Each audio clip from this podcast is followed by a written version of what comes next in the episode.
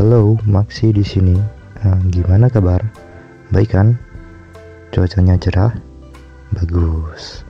Di episode kali ini, uh, Onigiri FM bakal bahas tentang registrasi ulang kartu prabayar dan data kependudukan di Indonesia. Oh ya, uh, soundtrack kali ini berasal dari incompetech.com judulnya Smooth Loving dari Kevin McLeod incompetech.com enjoy. Hari ini tanggal 28 Februari 2018 eh, jadi eh, lagi rame-ramenya nih. Itu registrasi ulang kartu prabayar. Jadi uh, SIM kalian katanya nih paling lambat didaftarkan ke operator masing-masing. Itu hari ini tanggal 28 Februari 2018 tapi ya uh, faktanya itu sebenarnya nggak jatuh tempo hari ini juga gitu. Jadi masih ada tenggat waktu sebenarnya sampai tanggal 29 Maret 2018 jadi eh, kalau nggak diregistrasi ini kan ada hukuman penalti. Penaltinya itu pemblokiran. Jadi katanya nih pemblokirannya itu bertahap. Jadi nggak langsung eh, kartu kalian tiba-tiba nggak bisa dipakai gitu enggak jadi ada tiga tahap. Yang pertama itu eh, nggak uh, bisa ngirim SMS sama nggak bisa telepon. Jadi uh, nomor kalian yang belum diregistrasi per Maret 30 Maret 2018 jadi kalau tanggal 29 Maret belum registrasi tanggal 30 nya itu uh, nomor kalian nggak bisa ngirim SMS dan nelpon keluar. Jadi ya kecuali tentunya SMS ke 444 yaitu cara registrasi itu sendiri ya. Jadi tanggal 30 Maret kalian nggak bisa ngirim SMS atau nelpon keluar.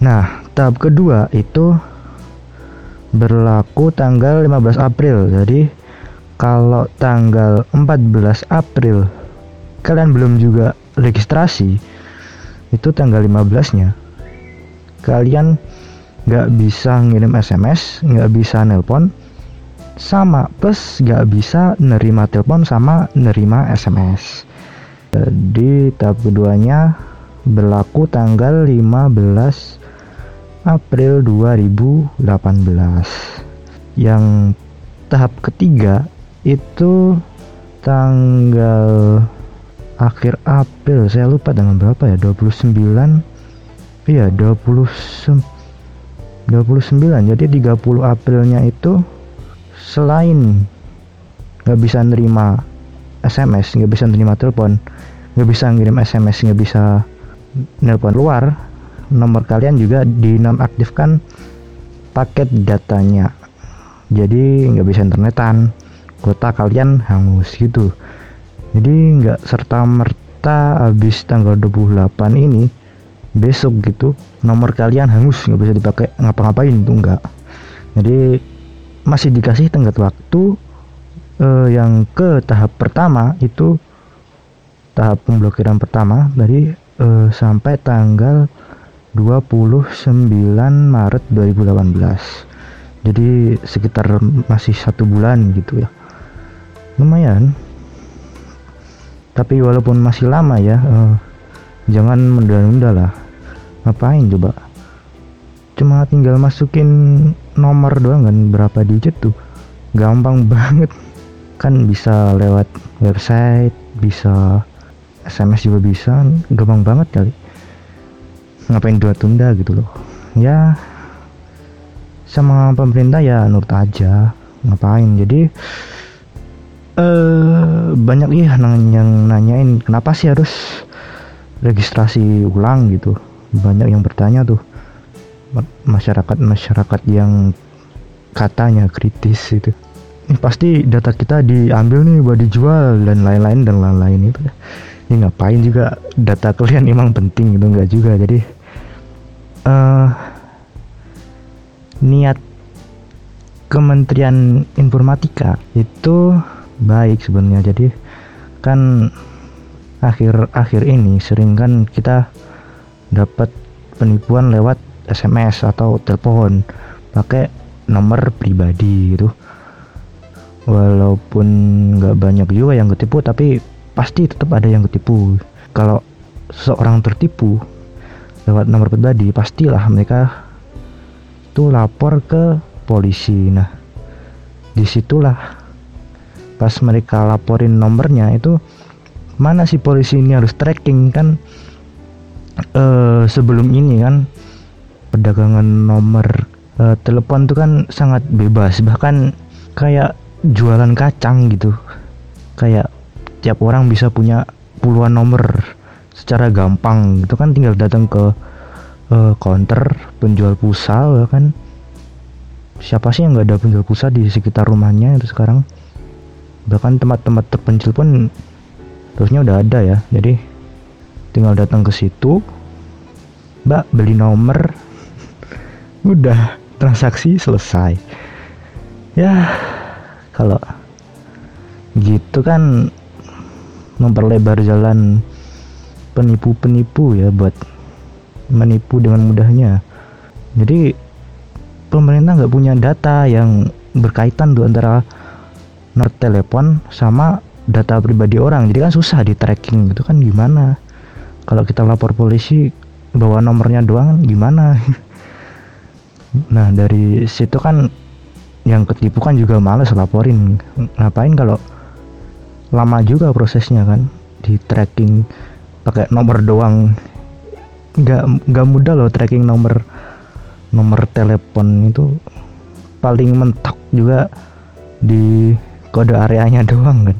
Susah itu. Jadi gitulah kalau kita punya data yang uh, terkait antara nomor telepon sama uh, data pribadi gitu. Jadi lebih mudah lah kalau tracking siapa nih pelakunya. Katanya sih gitu. Jadi nggak bang gak dijualin. Kok ngapain dijualin? Data kalian tuh enggak. Data cuma NIK sama nomor kakak doang ngapain coba? Sebenarnya data penduduk itu bisa di request aksesnya oleh organisasi mana pun. Jadi kalau kalian organisasi yang legit kalian punya organisasi yang legit yang berbadan hukum atau nggak usah berbadan hukum kayaknya bisa deh. Soalnya saya tahun lalu sekitar Juni Juli kalau nggak salah ya. Jadi uh, I'm handling data penduduk gitu drill data penduduk jadi saya juga baca-baca SOP-nya gimana caranya menggunakan meminta data penduduk dari dispenduk capil dengan baik yang benar. Selama kalian organisasi sebuah organisasi suatu biro mengatasnamakan organisasi instansi gitu kalian bisa request ke dispenduk capil. Dispenduk capil tuh di bawahnya kementerian Kementerian Dalam Negeri ya. Jadi yang menghandle itu semua tuh Kementerian Dalam Negeri. Kalian bisa request ke sana. Nanti kalian dikasih username sama password buat akses ke uh, database-nya mereka. Dan kalian secara tersinkronisasi data di penduduk penduduk di penduduk, data penduduk di komputer kalian tuh udah tersinkronisasi dengan yang di sana gitu. Jadi kalau ada update tuh uh, selama kalian bisa akses databasenya di sana dengan username dan password itu uh, data penduduk yang kalian peroleh tuh sinkron terus gitu. Jadi ya sebenarnya gampang juga sih uh, request permission data penduduk ke Kemendagri itu gampang. Jadi ngapain coba? Nggak. Nggak. Kalau mau dijual-jualin mereka juga bisa aja gitu. Nah, lagian datanya nggak terlalu penting kecuali kalian tuh presiden Amerika Serikat yang punya data kependudukan di Indonesia penting kan? Ya siapa ayah ibunya? Apakah ayah ibunya PKI ada bukan? Ada adalah. But sadly dengan gampangnya diakses itu kalau kalian pinter pinter pakai Google itu sebenarnya kalian bisa dapat gitu tapi saya nggak bakal uh, lebih jelas di sini. Jadi uh, banyak yang punya kuasa punya permission buat akses data penduduk kayak misal instansi kesehatan puskesmas misal. Itu mereka punya akses ke data penduduk yang dari pusat itu tapi mereka tidak handle it properly gitu. Jadi mereka simpan di apa WordPress misalnya. Uh, mereka punya website sendiri pakai WordPress. Gitu lalu mereka simpan data penduduk di situ. Tapi permisinya bisa dibaca siapa pun yang di internet gitu. Jadi percuma mereka. Sebenarnya data penduduk itu uh, data yang lumayan rahasia loh. Jadi dari situ bisa tahu ayahnya siapa anaknya siapa. Kan kalau penipu kan bisa aja gitu kan ya kembali ke jual beli tadi walaupun dijual pun laku sih laku, laku tapi berapaan receh paling. Soalnya gampang juga dapetinnya gitu jadi buat apa? Nah kalian kalau pinter pakai Google atau biasanya itu ada keyword-keyword tertentu yang namanya Google Doc DORK Doc jadi dulu itu sempat dimanfaatin sama uh, dalam tanda kutip hacker. Ya jadi dulu itu hack hacker itu masih mengandalkan Google Doc. Tapi sekarang kayaknya ada mesin pencari Google lebih pintar dari hacker-hacker itu. Jadi ya beberapa Google Doc nggak bisa dipakai lagi gitu deh. Jadi kalian kalau pinter pakai Google kalian bisa dapat itu data penduduk itu bisa dapat karena ya sadly beberapa instansi yang punya permission buat data penduduk itu nggak handle it properly gitu. Jadi sayang sekali ya. Ya memang keamanan itu jadi poin yang kesekian ketika perusahaan-perusahaan bukan perusahaan ya uh, pemerintah lah BUMN gitu membangun aplikasi. Terus keamanan itu jadi poin yang kesekian. Yang penting aplikasinya jadi dulu. Jadi keamanan itu pikir nantilah. Kayak gimana ya? Kayak bank pun misalnya uh, mereka bangun sistem ATM itu kalau kita niat bobol itu bisa aja bobol. Dulu tahun berapa ya? Lupa itu. Pernah ada kan kasus pembobolan akun ATM lucu juga sih. Pembobolan akun ATM jadi beberapa akun ATM akun masa babang itu bocor. Jadi ada mutasi yang nggak mereka inginkan ya ingat of meningkatkan keamanan mereka. Mereka cuma bakal ganti rugi yang bocor itu ya. Karena murah gitu kan daripada meningkatkan keamanan mereka. Itu lebih besar kosnya daripada ganti rugi akun-akun yang bocor itu. Yang mending ganti rugi lah.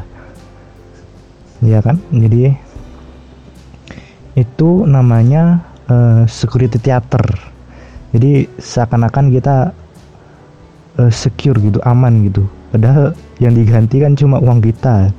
Sistem keamanan mereka nggak ditingkatkan sama sekali.